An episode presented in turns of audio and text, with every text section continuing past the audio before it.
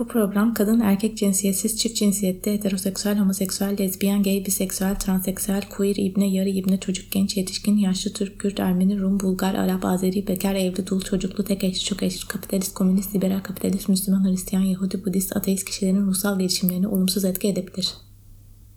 Henüz hiçbir hayalinizi gerçekleştirmediyseniz bu yayını kapatın, dışarı çıkın ve hava alın. Sanırım ilk kez 2013'te hayal kurmak işimin bir parçası demeye başladım. O günlerde düşlediğim pek çok şeyin tam olarak benim gördüğüm şekilde olmasa da bir köşesinden yavaş yavaş gerçekleştiğini deneyimledim. İlk başta çok keyifli gelse de zaman içinde bazı konular aklımı kurcalamaya başladı. Madem düşleyince oluyor, neden her hayalimiz şu anda gerçek olmuyor? Madem hayal gücü denilen bir gücümüz var, neden herkes bu gücü kullanmıyor? Geçtiğimiz ay Gizay'dan bütün hayallerimi gerçekleştirdim cümlesini duyunca yeniden hayal konusu gündemine geldi. Hangimiz neye hayal, neye gerçek diyoruz? Dinlemeye ve anlamaya çalışırken son 5 yıldır farklı topluluklarla yaptığım vizyon çizimlerimi ve notlarımı buldum. Hepsinin ortak bir noktası vardı. Topluluktaki gerçek hikayeleri toplamak ve paylaşmak. Şu an dinlemekte olduğunuz bu podcast en az 5 yıllık hayalim. Bir başka deyişle etrafımdaki topluluğa ellerimi açtığımda avcumda bulduğum vizyonun bir parçası. Bu ayın konuğu işte bu vizyon çalışmalarından birini birlikte yaptığım güzel insanlardan biri Gözde Şekercioğlu. Gözde ile 2016'da Koç Üniversitesi Sosyal Etki Forumu'nun düzenlediği Know Your Impact, Etkini Bil adlı programda tanıştık. Podcast bahane, kavuşmak şahane. Ben yine çok keyif aldım. Umarım siz de keyifle dinlersiniz. Gözde ile sohbetimizin ardından Gizel Büyük Doğanay, Deniz ve Derya Ulkat ile birlikte söylediğimiz istikrarlı hayal hakikatleri duyacaksınız. Bölüm sonunda bu ayın sözleri Charles Eisenstein'ın Kalplerimizin Mümkün Bildiği Daha Güzel Dünya kitabından naiflik ve gerçeklik bölümlerinden gelecek. Bir sonraki dolunaya kadar hepimize kolektif düşler, tatlı rüyalar. Hoş geldin Gözde. Hoş buldum Aysu. Biz görüşmeli bayağı oldu. Uzun uzun sohbet etmeli de bayağı oldu. O yüzden hem kendim için hem dinleyecek herkes için bugün e, Gözde nasıl, neler onu canlandırıyor, neler onu sevindiriyor, üzüyor, her ne paylaşmak istersen onunla başlayalım. Ee, birkaç gündür bir arkadaşımla üniversiteden, on, bir arka mahallemde oturuyor. Onunla gün ortası 10 bin adıma yönelik hareket ediyoruz. Ortalama işte 5-6 binini beraber yapıyoruz gibi gözüküyor. Beni o çok motive ediyor. Yani hani çok olmadı daha bir haftası yeni olacak. Böyle kendime aslında bir hedef koyup o hedefin altına da okey olduğum bir dönemdeyim. Çünkü hep hedefi zorlayan bir insanımdır ben. En idealine gitmeye çalışırım. Somutlaştırmak gerekirse dün 5000 adıma okey oldum. Yani 10 bini tamamlamadan uyudum. Gidip de akşam saati diye 10 bin adıma tamamlamaya çalışmadım yani. ee, birçok kişi için çok küçük bir şey olabilir ama benim için e, koyduğun hedefin altını kabul etme hali e, yeni bir davranış diyeyim. Olduğu kadar. O Bu bana olsun. çok iyi geliyor. Sağ, sağ ol. ya ben seni önemsiyoruzla beraber tanıdım. Belki biraz hani ondan da bahsetmek istersin. Ya benim bildiğim kadarıyla adalet sistemimize yakın çalışan kişilerden birisi. Ben olduğum yerden bile zorlanıyorum. Hani çok fazla sorun var.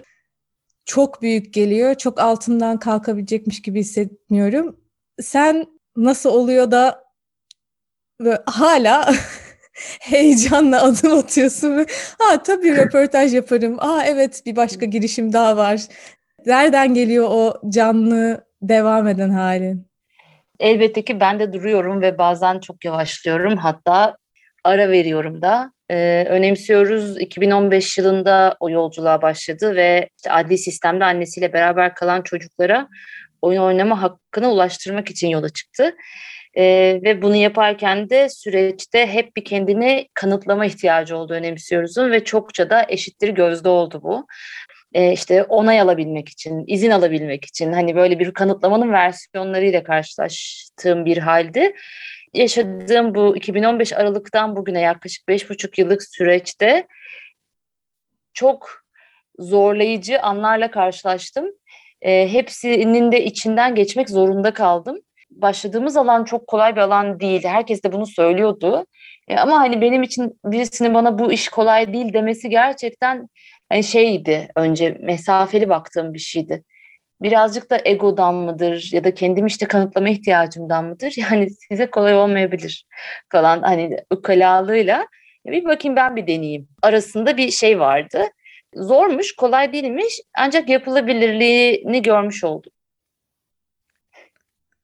Charles Eisenstein'ın e, Kalplerimizin Mümkün Bildiği Daha Güzel Dünya kitabını okumaya başladım.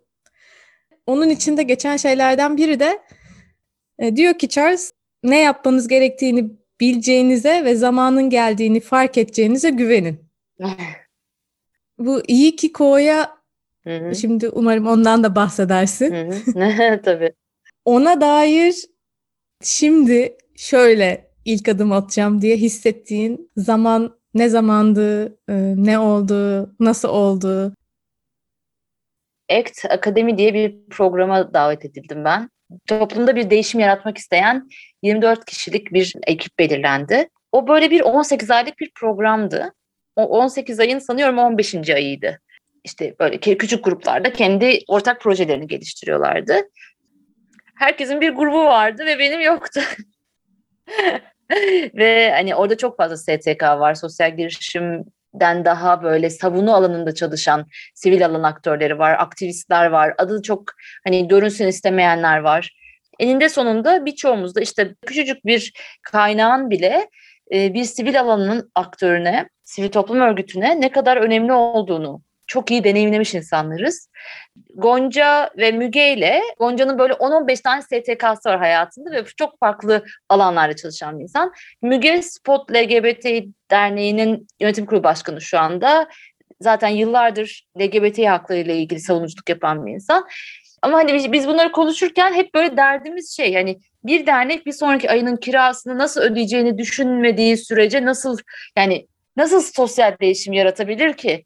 E, yaklaşımıyla. Çünkü yani farklı kaynak geliştirme yöntemleri var ama sizin hani birisi sizin adınıza koysun diye kampanya yapabilmek için yardım toplama izninize ihtiyaç var. İşte bilmem ne yapabilmeniz için bir şeyi iyi tasarlamış olmanız gerekiyor gibi gibi. Hani çok güzel e, mesleki olarak gönüllülükler de çözümlenmiş durumda.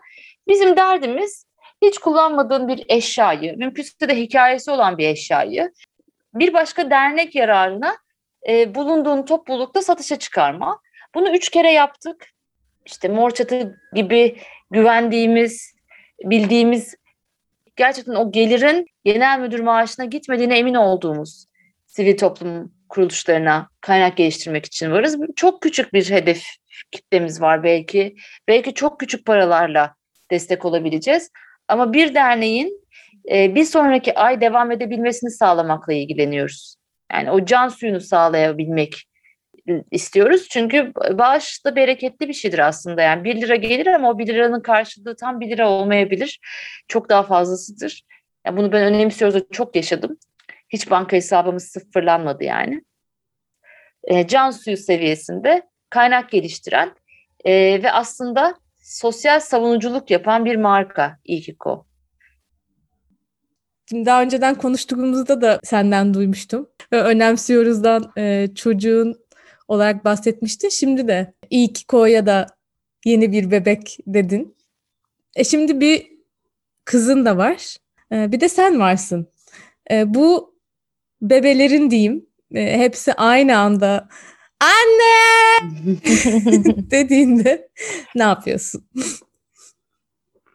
ne yapmamaya çalışıyorum onu söyleyeyim. İpe'ye yani canlı olan kızıma fiziksel bir zarara sebebiyet yani şöyle bağırarak cevap vermemeye çalışıyorum İpe'ye.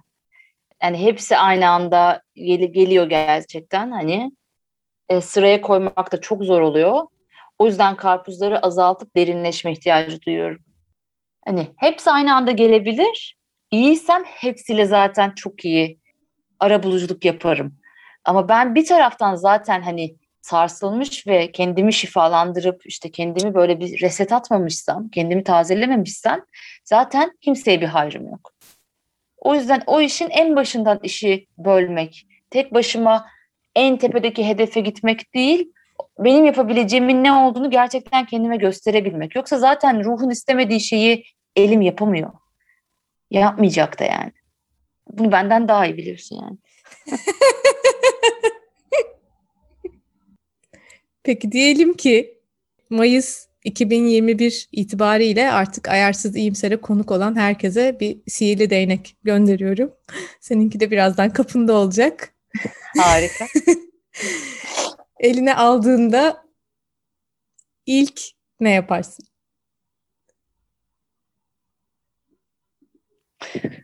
ülkeyi, ülkeyi forma tutarım. Kendimden de hani bir şey düşüneyim. Müthiş bir boyun ağrım var. Onunla, ondan kurtulmak isteyebilirim şu anda. Boyun omuz ağrısı şöyle bir. Yani sihirli değnekle elbette ki yaratmak istediğim bir sürü alt alta yazılmış sosyal değişim meselesi var. Yani hepsinin ortak bölenini bulurum, onu değiştiririm ki diğerlerine sirayet etsin. Bunun ne olacağını e, kayıt dışı konuşalım.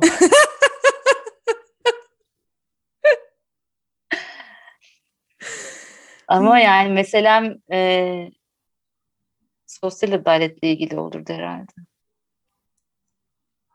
Aa, teşekkür ederim Gözde. Zor soru ama çok zor soru yani. Bir hakkım var gibi düşündüm tabii. Üç hakkın olsun. Birazcık da tabii şey oluyor bu. Otokratik bir hareket oluyor yani hani oradakilerin kararını almadan böyle olmalı diyor oluyorsun ya sihirli değnek. hani bu kabul edilebilir mi? Bu da başka bir soru. Yani sosyal adalet için biraz da onun sorumluluğunu hissettim herhalde. Doğru şeyi yapabileceğimden emin miyim? Yani sorumluluğu almaya alırım da doğru kişi miyim ondan emin olamadım. O değnek hakkını kullanacak. Baksana kendinde bunu değer görmemek. Değneğim var ama tamam bacım önce can, şey için. önce can sonra canan olsun o zaman. Kendin için kullan. Boyun ağrısı işte, bir. Boyun ağrısı. boyun ağrısı fiziksel iyi oluş.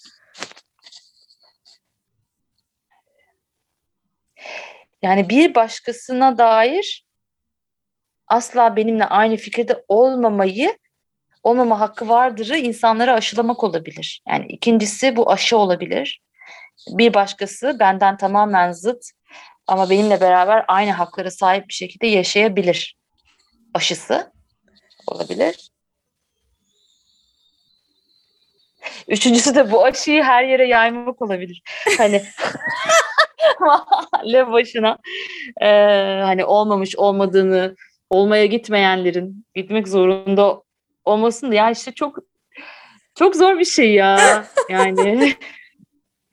Hepimiz Rıza'nın ya. öneminin farkındayız ve evet. sihirli değneği kullanıyoruz. hmm. Rıza salınmadan insanlara işte şey sos, ya politika sosyal politika bilgisi eksikliğimden sebep doğru cevap veremiyorum galiba. Bunu bilmiyorum. bu cevabı bilmiyorum. Ama benimle beraber çalışmak isteyenle çalışırım bu konuda. Ay ya teşekkür ederim Gözde. Ben teşekkür ederim. Hmm, benim için keyifli ve doyurucu oldu. Dediğim gibi biraz podcast bahane. Öyle öyle. Yani sağ ol. Yeniden kavuşmak şahane. Teşekkür ederim.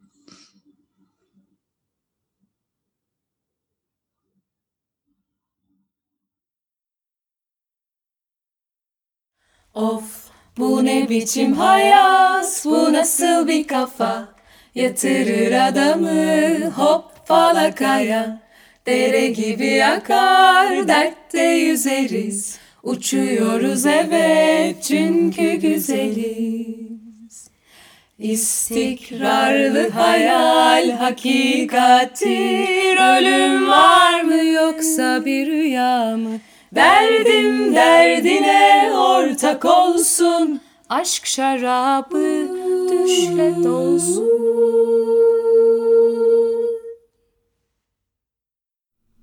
Hayatında hiç tekrar tekrar doğru zamanda doğru yerde olup doğru insanla karşılaştığın bir olayın parçası oldun mu? Her şeyi ve herkesi koordine eden görünmez bir dış güç varmış gibi hissettiğim bir durumun. Peki bu nasıl ve neden gerçekleşir? Aslında doğru zamanda doğru yerde olma teknolojisine bir şekilde hakim olabilirsek, eş zamanlılığın akışına ayak uydurmayı bir öğrenebilirsek, erk dünyasının erişebildiğinden çok daha büyük bir kuvvete erişebiliriz. Bu mucizeler dünyası, olduramadığımız bu şeylerin dünyası armağanın dünyasıdır. Burada yaşamak için o eski kontrol, saklama ve kendini tutma alışkanlıklarını bırakmamız gerekir. Bugün çoğumuz aynı anda iki dünyada hem yeni hem de eski dünyada yaşıyoruz. Dolayısıyla mucizeleri tesadüfen yaşıyoruz. Peki ne zaman gerçek bir olasılığa hizmet ettiğimiz ve ne zaman kendimizi kandırdığımızı bir vizyonun değil bir serabın peşinde koştuğumuzu nasıl anlayacağız?